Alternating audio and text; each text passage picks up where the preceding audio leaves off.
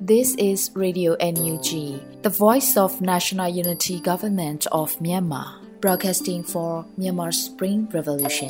Radio NUG is transmitting from shortwave 16 meter 17.79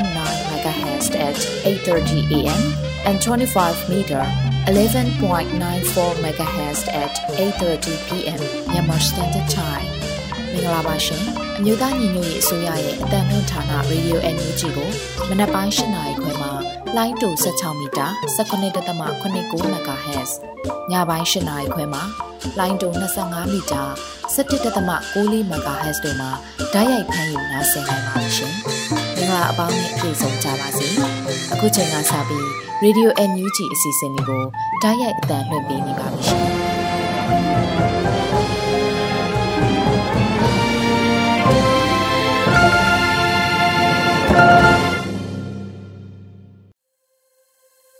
နံနက်ခင်းပါရှင်ရေဒီယို NUG ကိုနားဆင်နေကြတဲ့မိဘပြည်သူများနဲ့မြန်မာနိုင်ငံသူနိုင်ငံသားအပေါင်းတဘာဝဘေးဆရာနာရှင်ဘေးတို့ကနေခင်ဝေးပြီးကိုစိတ်နှပါဘေးကင်းလုံခြုံကြပါစေလို့ရေဒီယို NUG အဖွဲ့သားများကဆုတောင်းမေတ္တာပို့သလိုက်ပါတယ်ခုချိန်ကစပြီးရေဒီယို NUG ရဲ့ဖေဖော်ဝါရီလ23ရက်နေ့မနက်ပိုင်းအစီအစဉ်တွေကိုစတင်ထုတ်လွှင့်ပေးတော့မှာဖြစ်ပါတယ်ပထမအဦးဆုံးအနေနဲ့ကာကွယ်ရေးဝန်ကြီးဌာနရဲ့စီးရေးတရင်အကျဉ်းချုပ်ကိုတော့မောင်ကျူးမှဖတ်ကြားတင်ပြပေးတော့မှာဖြစ်ပါတယ်ရှင်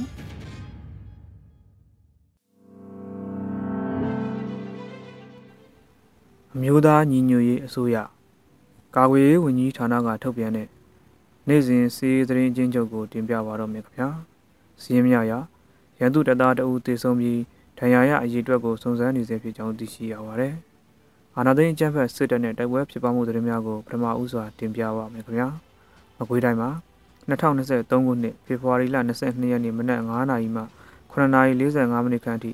ပေါင်းမြို့နယ်ကုတ်ကိုစုရွာအခြေပြုပြူစောတိတပ်စခန်းများကို ပေါင်းမြို့နယ်အခြေပြုဒေသကာကွယ်ရေးတပ်ဖွဲ့ဝင်များနဲ့မြန်မြို့နယ်အခြေပြုဒေသကာကွယ်ရေးတပ်ဖွဲ့ဝင်များကပိုင်ပိုင်နိုင်နိုင်စီးနင်းတိုက်ခိုက်နိုင်ခဲ့ပြီးကုတ်ကိုစုရွာတချမ်းကိုတိမ့်မိုက်နိုင်စဉ်မုံရွာနမခမှတက်လာသော MI35 တစီးရောက်ရှိလာပြီးတိုက်ပွဲဖြစ်ပွားရာဧရိယာအတွင်းသို့လေကြောင်းမှအကြမ်းဖက်ပစ်ခတ်တိုက်ခိုက်ခဲ့သောကြောင့်ဒေသကာကွယ်ရေးတပ်ဖွဲ့ဝင်များပြန်လည်ဆုတ်ခွာခဲ့ရပြီးရန်သူတပ်ဖွဲ့ဝင်များစွာထိခိုက်ဒေဆုံးခဲ့ကြောင်းသိရှိရပါသည်။မန္တလေးတိုင်းမှာဖေဖော်ဝါရီလ21ရက်နေ့မနက်9:00နာရီခန့်က မြင်းကြံမြို့နယ်လေးစုံကျေးရွာမှာနေထိုင်တဲ့ယူစောဒီကောင်းဆောင်ဝင်းစိုးကို၎င်း၏ရာခင်းထဲသို့တွားရောက်၍တထိုးကြီး Regional Defense Force အဖွဲ့ကပြစ်ခတ်တိုက်ခိုက်ခဲ့ရမှတည်ဆုံးခဲ့ပြီးလက်ပစ်ပုံတစ်လုံးဂျင်ကလီများနဲ့လက်ကင်ဖုံးတို့တင်စီရရှိမိခဲ့ကြောင်းသိရှိရပါတယ်။အာနာသိန်းအကြံဖက်စစ်တပ်ကကျူးလွန်တဲ့ရာဇဝတ်မှုများအကြောင်းကိုဆက်လက်တင်ပြပါမယ်ခင်ဗျာ။စကိုင်းတိုင်းမှာဖေဖော်ဝါရီလ21ရက်နေ့မနက်၈နာရီခန့်ကကမ်ဘလူမြို့နယ်ချောင်းကြားကျေးရွာကို ပေကုန်းတောင်ကျေးရွာမှပြူစောထီးနဲ့ရန်သူတပ်သားများ40ခန်းကနေ28လုံးရေတင်ဆက်တစ်လုံးတို့ကိုမိရှုဖျက်ဆီးခဲ့က125ဆိုင်ကယ်တစ်စီးဆိုင်ကယ်ဘင်းကြီးတစ်စီးမြေပဲတင်းတရာတို့ကိုခိုးယူသွားခဲ့ကြောင်းသိရှိရပါတယ်။မန္တလေးတိုင်းမှာဖေဖော်ဝါရီလ21ရက်နေ့ည9:29မိနစ်ခန့်ကတရဝမြို့နယ်ပေါက်တော်ကျေးရွာမှာနေထိုင်တဲ့ကိုရဲစော်ကိုရန်သူတပ်များကရွာပြင်ဘက်သို့ဖမ်းဆီးသွားခဲ့ပြီးရက်ဆက်စွာတပ်ပစ်ခဲ့ပါတယ်။ ဖေဖော်ဝါရီလ21ရက်နေ့ညနေ9:00နာရီခန့်ကငဇွန်မြို့နယ်မရိုးကုန်းရွာဘက်မှရန်သူအင်အား25ဦးခန့်ကဂျပန်ကျွန်းဘက်သို့ဆင်းသွားခဲ့ပြီးညနေ6:00နာရီမှာဂျပန်ကျွန်းရှိနေအိမ်များကိုမိရှို့ခဲ့ပါတယ်။ပဲခူးတိုင်းမှာဖေဖော်ဝါရီလ21ရက်နေ့မနက်3:30နာရီ30မိနစ်ခန့်ကကျုပ်ပင်ကောင်းမြို့နယ်လက်ပံပင်စုကျေးရွာအုပ်စုဒါစီရွာမှအုပ်ဖို့လုပ်ငန်းလုပ်ကိုင်သည့်ဦးတန်းဦးနှင့်ဒေါက်ခင်အေးသန်းဇနီးမောင်နှံတို့ ဘာကရဖုံးတော်ကြီးကြောင်ဖျားထီတင်ပွဲသို့စိုင်းပွဲသွားကြည့်ရမှအသက်60နှစ်အရွယ်ဦးတန်းဦးတဦးတဲ့အုပ်ဖုတ်သည့်တဲသို့ပြန်လာစဉ်ရန်သူတပ်သားများကတနက်နေ့ပြစ်ခတ်တပ်ဖြတ်ခဲ့ပါတယ်။၎င်းဟာစိတ်အနေငယ်မနှံ့သူဖြစ်ကရန်သူတပ်သားများကတနက်တစ်ချက်လှမ်းပစ်ခတ်ပြီးစစ်ဆေးမင်းမြန်းစဉ်ပြန်မဖြစ်သဖြင့်ထပ်မံပစ်ခတ်ရာဝဲချင်းပြီးတည်ဆုံသွားခြင်းဖြစ်ပါတယ်။၎င်းကိုရန်သူတပ်၏တယ်လီဂရမ် channel များကမိုင်ထဲတာဝါတိုင်းကိုဖောက်ခွဲရန်လာသည့် PDF တပ်ဖွဲ့ဟုဆိုကာ သတင်းမှားများဖြန့်ဝေနေကြောင်းသိရှိရပါတယ်။ယခုတင်ပြခဲ့တဲ့နေ့စဉ်စီးရီးသတင်းချင်းချုပ်ကိုမြေပြင်သတင်းတာဝန်ခံများနဲ့သတင်းဌာနများကပေါ်ပြထားတဲ့အချက်များပေါ်အခြေခံပြုစုထားတာဖြစ်ပါတယ်။ကျွန်တော်မောင်ကျူပါ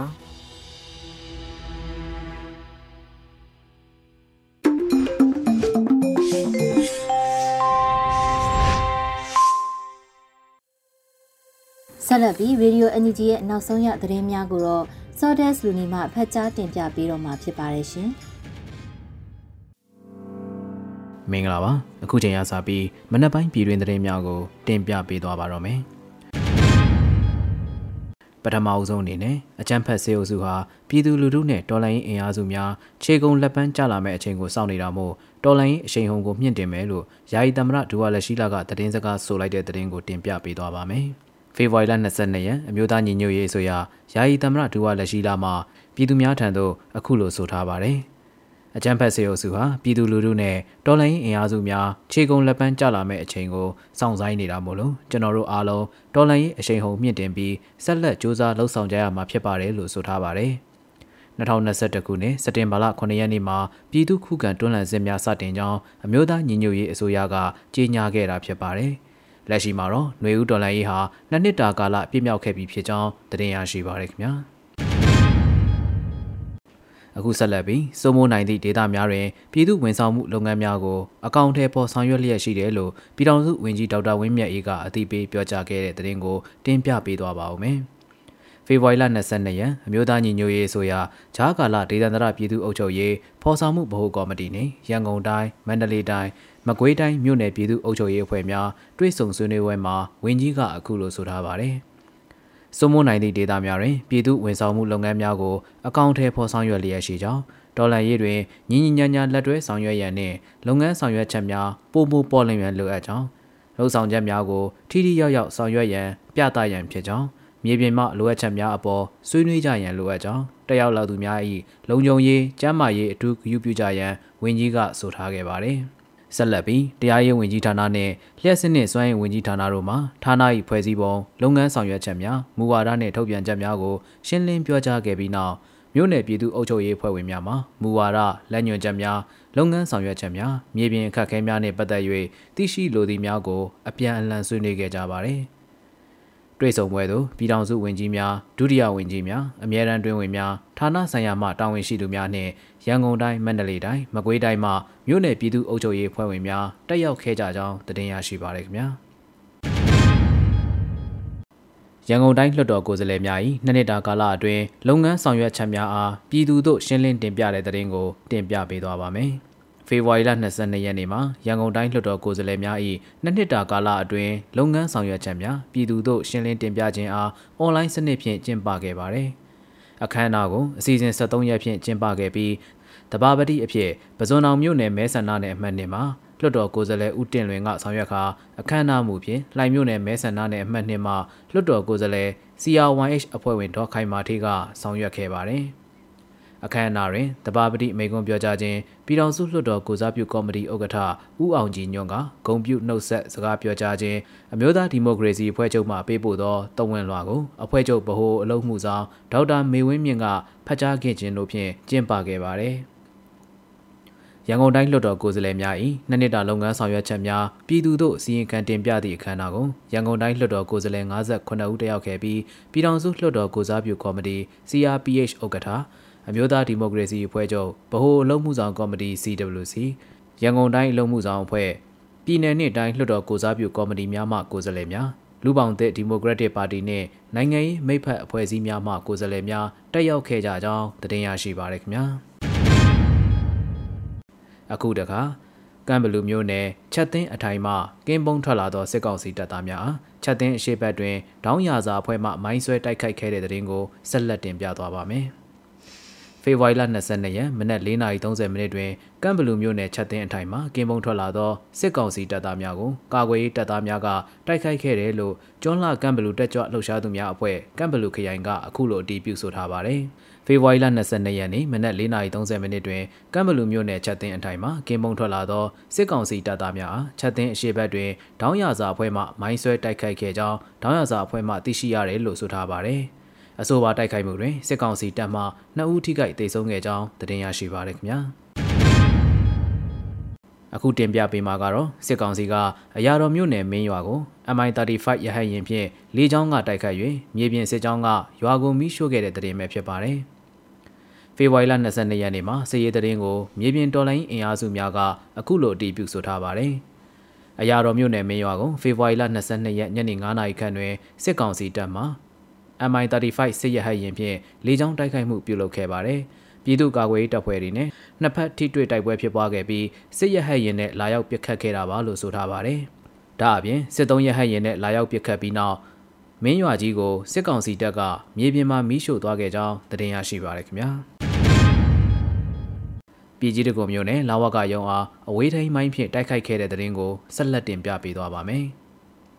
ဖေဖော်ဝါရီလ22ရက်နေ့မှာစီရေးလှုပ်ဆောင်ချက်ကိုမြနန္ဒာစစ်စင်ရေးမန္တလေးကအခုလိုအသိပေးဆိုထားပါတယ်။ဖေဖော်ဝါရီလ22ရက်နနက်7:25မိနစ်အချိန်ခန့်မှာပြည်ကြီးတကုံမြို့နယ်စရက်ကွက်128လမ်း62လမ်းနဲ့63လမ်းကြားရှိပြည်ကြီးတကုံမြို့နယ်လာဝကရုံအားအဝေးထိန်မိုင်းဖြင့်တိုက်ခိုက်ခဲ့ပြီးအထိကိမရှိစုခွာနိုင်ခဲ့တယ်လို့ဆိုထားပါတယ်။လက်တလောမှာတော့ထိခိုက်ပျက်စီးမှုများကိုအတီးပြုစုံစမ်းနေဆဲဖြစ်ကြောင်းသတင်းရရှိပါရခင်ဗျာ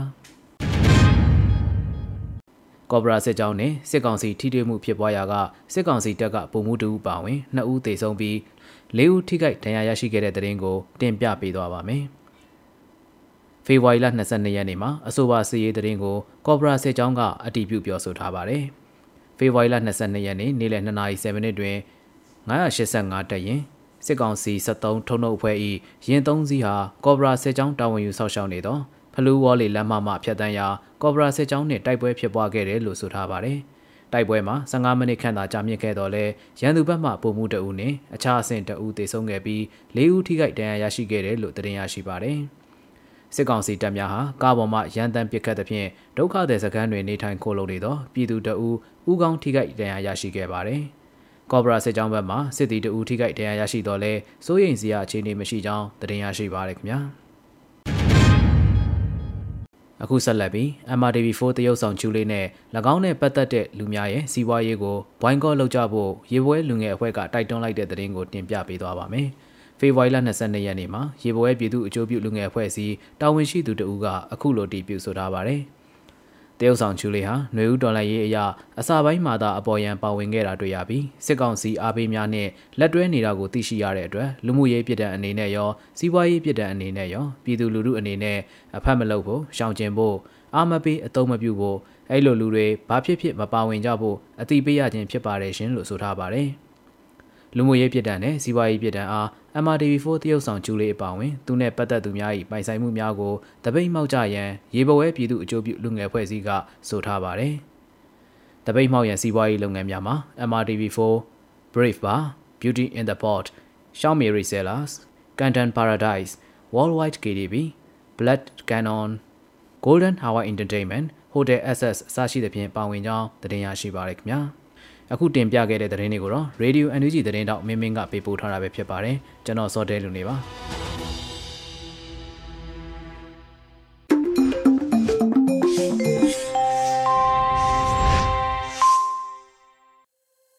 ရေဒီယိုအန်ဂျီမှဆက်လက်အတန်လှည့်ပေးနေပါတယ်။အခုတကပညာရေးနဲ့ကျန်းမာရေးဝန်ကြီးဌာနပြည်ထောင်စုဝန်ကြီးဒေါက်တာဇော်ဝေဆိုးရဲ့စစ်တပ်ထုတ်ကုန်တပိတ်မောက်ကမ်ပိန်းလှုပ်ရှားမှုအကြောင်းတိုက်တွန်းပြောကြားချက်ကိုနားဆင်ကြရတော့မှာဖြစ်ပါတယ်ရှင်။ လွတ်လပ်ရေးအနှစ်သာရခံစားရဖို့စစ်တပ်ထုတ်ကုန်တပိတ်မှောက်စုဒီနေ့ကျွန်တော်တို့ရဲ့ຫນွေဦးတော်လှန်ရေးဟာမြန်မာနိုင်ငံမှာနှစ်ပေါင်း80ကျော်ကြာကြီးစိုးခဲ့တဲ့လူမျိုးကြီးဝါဒနဲ့စစ်အာဏာရှင်ကိုအမြင့်ပြတ်ခြေမုံမှုအတွက်တိုက်ပွဲဝင်နေကြတာဖြစ်ပါတယ် ယခုလိုနှစ်နှစ်ရှိတဲ့အချိန်မှာတော်လန်ရေးရဲ့အရှိန်အဟုန်ဟာအောင်မြင်မှုတွေနဲ့စတင်မြင်တွေ့နေရပြီဖြစ်ပါတယ်ဒီစစ်အာဏာရှင်အကြမ်းဖက်စစ်တပ်ရဲ့နောက်ဆုံးကြံနေတဲ့ထွက်သက်ကိုရှင်းနိုင်မှုအတွက်သူတို့အသက်ဆက်ရာဆက်ကြောင်းဖြစ်နေတဲ့စစ်တပ်ထုတ်ကုန်တွေကိုတပိတ်မှောက်ခြင်းဖြင့် သူတို့အသက်ကိုကျွန်တော်တို့နှုတ်ရမှာဖြစ်ပါတယ်သူတို့ရဲ့အမြင့်ကိုနှုတ်ရမှာဖြစ်ပါတယ်အဲကြောင့်ဒီနေ့တော်လန်ရေးရဲ့နောက်ဆုံးတိုက်ပွဲမှာလဲနေလေအောင်မြင်းဆောင်မကြံပြည်သူများပါဝင်ပြီးတော့ဒီစစ်တပ်ထုတ်ကုန်ကိုတပိတ်မှောက်ခြင်းဖြင့်အကြမ်းဖက်စစ်တပ်ရဲ့နောက်ဆုံးအသက်ငင်နေတဲ့ထွက်သက်ကို ဒီသပိတ်မှောက်ခြင်းဖြင့်အောင်မြင်မှုရယူကြပါစို့လို့ကျွန်တော်အနေနဲ့တိုက်တွန်းလိုက်ပါတယ်အရေးတော်ပုံအောင်ရမည်စစ်တပ်ထုတ်ကုန်တပိတ်ပေါက်ရမည်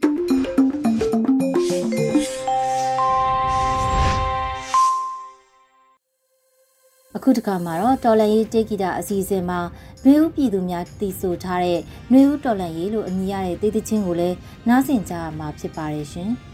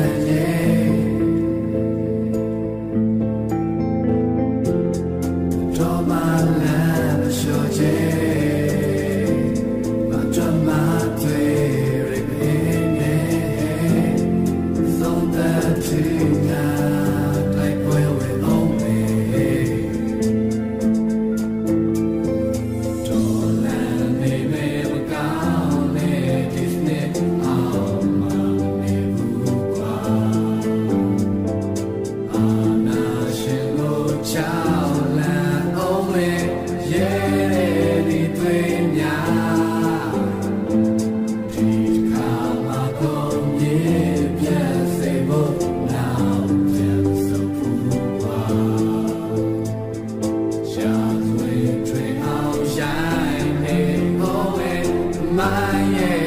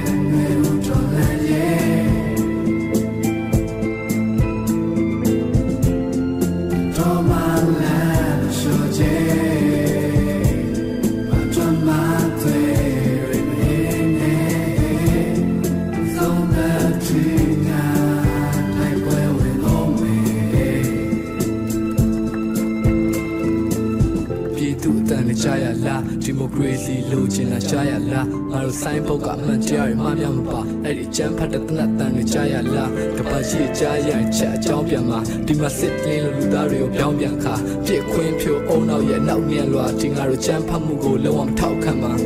လူသားချင်းလာပြီးတော့အာနာမဆန်တဲ့မင်းတို့ထက်တတိရှိရဲ့ပြည်သူကဘာမခံခဲ့အရှိမကြီးစံတွေဖြစ်နေမဲ့ရှောင်ကြည်မှုပြီးလျှော်တော့တည်င်းမားတွေပြောကအုံနောက်ချင်းချနေတော့မြမမြမပြည်ရှိထပ်ဖို့လူသားရေးပါဒီတစ်ခါလွတ်လပ်ခြင်းဝိညာဉ်တွေကိုကူသားရေးပါငါတို့ပေးတဲ့တင်းချက်အလက်တွေစုထားရေးပါကျေးဇူးပြုရဲ့ကြမ်းဖတ်မှုတွေယူသားရေးပါမြမပြည်ပေါ်ကလုံးဝခွဲ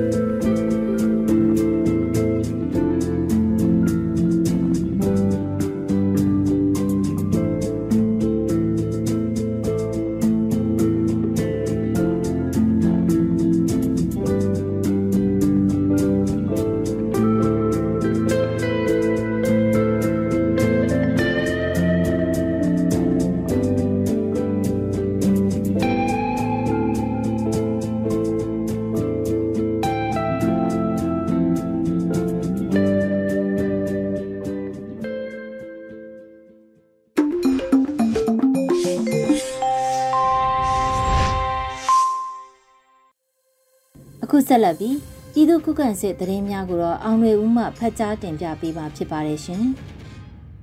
ပထမဆုံးတင်ဆက်မဲ့သတင်းကတော့ကမ်မလူမြေမုံရွာကိုမိရှို့ဖျက်ဆီးသောစစ်တပ်နဲ့ PDF တွေတိုက်ပွဲဖြစ်ပွားကြတဲ့သတင်းဖြစ်ပါတယ်။ကမ်မလူမြေမုံရွာကိုမိရှို့ဖျက်ဆီးသောစစ်တပ်နဲ့ PDF တွေတိုက်ပွဲဖြစ်ပွားပြီးအရာရှိနှုတ်အပါဝင်၃ဦးသေဆုံးခဲ့ကြောင်းကမ်မလူမြို့နယ်ဒေသကာကွယ်ရေးဖွဲ့ထံမှသိရပါတယ်။ဖေဖော်ဝါရီလ19ရက်နေ့တွင် ကမ်မလူမြို့နယ်မြေမုံရွာကိုမိရှို့ဖျက်ဆီးနေသော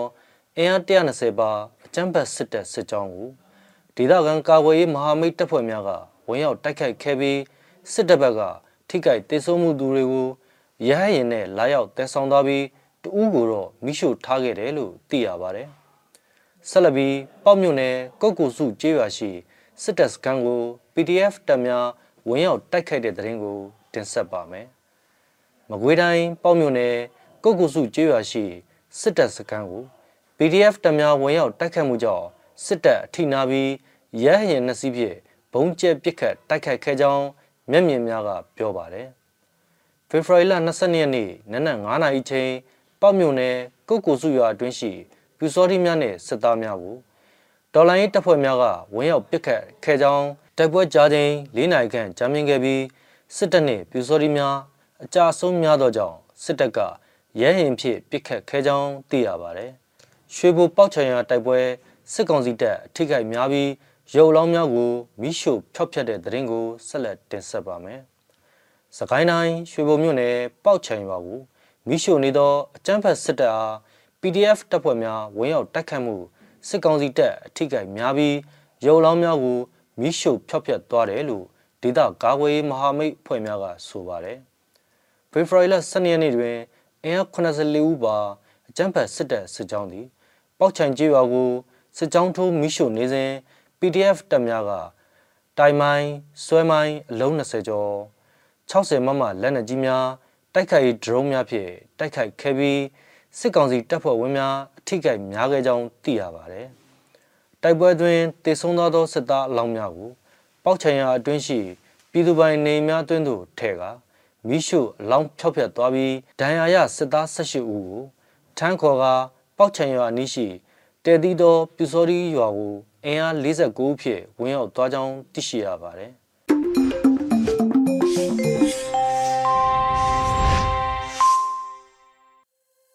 ဆက်လက်ပြီး PPTV ရဲ့နေ့စဉ်သတင်းများကိုတော့ထက်ချက်အင်ဒရာအောင်မှဖတ်ကြားတင်ပြပေးမှာဖြစ်ပါတယ်ရှင်။ အခုချိန်ကစပြီး PPTV သတင်းတွေကိုတင်ဆက်ပေးတော့မှာပါ။ကျွန်မထက်ထက်အင်ဒရာအောင်ပါ။ပထမဆုံးတင်ဆက်ပေးမှာကတော့ရန်ကုန်တိုင်းလွှတ်တော်ကိုယ်စားလှယ်များရဲ့နှစ်နှစ်တာလုပ်ငန်းဆောင်ရွက်ချက်တွေအားပြည်သူတို့အစီရင်ခံတင်ပြတဲ့သတင်းပါရန်ကုန်တိုင်းလွှတ်တော်ကိုစားပြုကော်မတီ CRYH ကဒီကနေ့ဖေဖော်ဝါရီလ22ရက်မနက်9:00နာရီချိန်မှာ ရန်ကုန်တိုင်းလွှတ်တော်ကိုယ်စားလှယ်များရဲ့နှစ်နှစ်တာလုပ်ငန်းဆောင်ရွက်ချက်များပြည်သူတို့အစီရင်ခံစာတင်ပြခြင်းအခမ်းအနားကိုကျင်းပပြုလုပ်ခဲ့ပြီးဒီအခမ်းအနားကို PPTV မှတက်ရောက်တင်ရယူခဲ့ပါတယ်။အခမ်းအနားမှာ2020ရွေးကောက်ပွဲမှာအနိုင်ရရှိခဲ့ကြတဲ့ရန်ကုန်တိုင်းလွှတ်တော်ကိုယ်စားလှယ်များနဲ့အတူပြည်ထောင်စုလွှတ်တော်ကိုစားပြုကော်မတီဥက္ကဋ္ဌဦးအောင်ကြည်ညွန့် NLD ပါတီဗဟိုအလုပ်မှုဆောင်ဒေါက်တာမေဝင်းမြင့်ဖိတ်ကြားထားသောအထူးဧည့်သည်တော်များအပါအဝင်ပြည်ရင်းပြည်ပသတင်းမီဒီယာများလည်းတက်ရောက်ခဲ့ကြပါတယ်။အခမ်းအနားကိုတဘာပတိအဖြစ်ရန်ကုန်တိုင်းဒေသကြီးလွှတ်တော်ကိုယ်စားလှယ်ဦးတင်လွင်ကဆောင်ရွက်ခဲ့ပြီးအခမ်းအနားကျင်းပခြင်းအကြောင်းကိုရှင်းပြသွားခဲ့ပါတယ်။ပြည်ထောင်စုလွှတ်တော်ကိုစားပြုကော်မတီဥက္ကဋ္ဌဦးအောင်ကြည်ညွန့်ကလွှတ်တော်ကိုယ်စားလှယ်များအားလုံးအနေနဲ့ ဒီမိုကရေစီနဲ့ဖက်ဒရယ်နှစ်မျိုးလုံးပါဝင်တဲ့ဖွဲ့စည်းပုံအခြေခံဥပဒေပေါ်ပေါက်ရေးစ조사သွားမှာဖြစ်ကြောင်းဒီလိုပြည်သူတာဝန်တွေကိုလွှတ်တော်ကိုယ်စားလှယ်များအထူးအလေးထားဆောင်ရွက်သွားကြဖို့ဒီဒေါ်လာရေးကြီးဘလောက်ပဲအခက်အခဲရှိနေပါစေလွယ်လွယ်ကူကူနဲ့လက်လျှော့သွားမှာမဟုတ်သလိုအောင်မြင်အောင်စ조사သွားမှာဖြစ်ကြောင်းတော်လိုင်းရေးမှာအသက်သွေးချွေးပေးဆက်ခဲ့ကြတဲ့ပြည်သူလူထုအားလုံးနဲ့အတူတသားတည်းရှိကြောင်း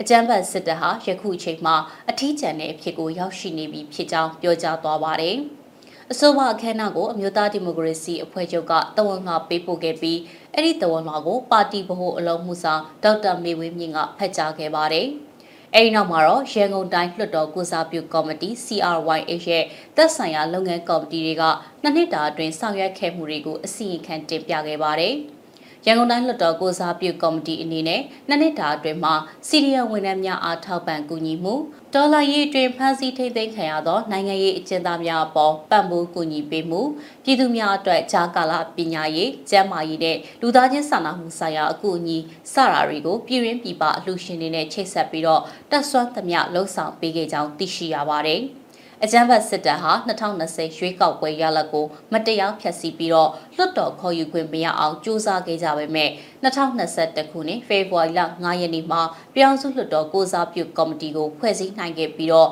ရန်ကုန်တိုင်းလွတ်တော်ကိုစားပြုကော်မတီ CRYH ကိုတော့2021ခုနှစ်ဖေဖော်ဝါရီလ10ရက်နေ့မှာအဖွဲ့ဝင်15ဦးနဲ့စတင်ဖွဲ့စည်းခဲ့တာလေးဖြစ်ပါတယ်။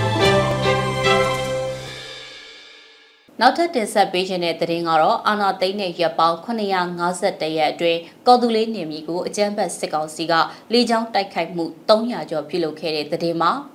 အကြမ်းဖက်စစ်ကောင်စီတပ်ကရက်ပေါင်း950ရက်အတွင်းကော်တူလေးနေမီမှာနေထိုင်တဲ့ပြည်သူတွေကိုပြစ်မှတ်ထားပြီးတော့လေကြောင်းတိုက်ခိုက်မှုပေါင်း309ကြိမ်ခန့်ပြုလုပ်ခဲ့တယ်လို့သိရပါဗျ။အာနာသိန်းပြီးတဲ့နောက်ပိုင်းရက်ပေါင်း950ရက်အတွင်းမှာ KNU ကော်တူလေးအုပ်ချုပ်နေမြေခရိုင်9ခရိုင်တွင် နေထိုင်တဲ့အပြစ်မဲ့အရက်သားပြည်သူတွေကိုပြစ်မှတ်ထားပြီးတော့လေကြောင်းတိုက်ခိုက်ခဲ့တာပါ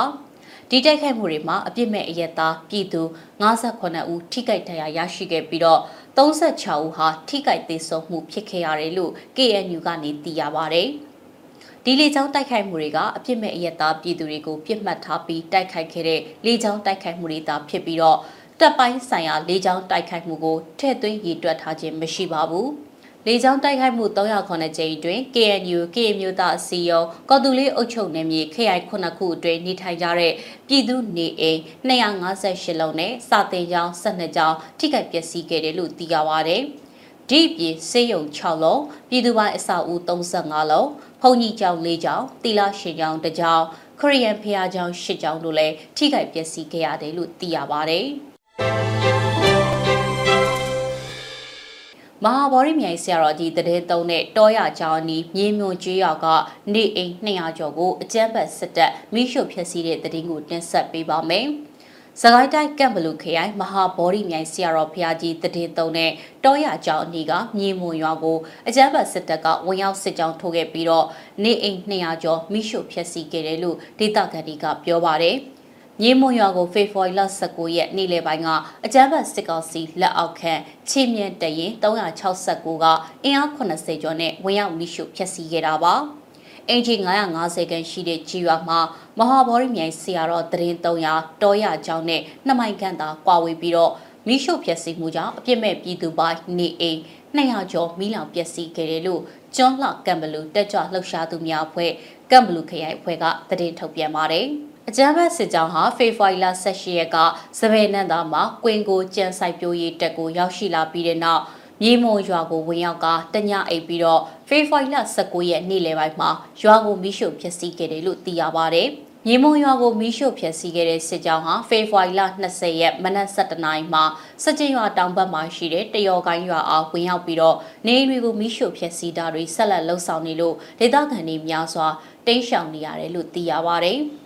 အကြမ်းဖက်စစ်ကောင်စီတပ်ရဲ့စစ်ကြောင်းထိုးပြီးတော့ရွာတွေကိုမိရှို့ဖျက်ဆီးနေတာကြောင့်မြေမွန်ရွာအပါအဝင်တီရီမွန်စက်ကျင်နဲ့တယောကိုင်းရွာတွေကအပြစ်မဲ့ပြည်သူ3000ကျော်အိုးအိမ်ဆုံးခွာပြီးတော့ဘေးလွတ်ရာကိုထွက်ပြေးတိမ်းရှောင်နေကြတယ်လို့ဆိုပါတယ်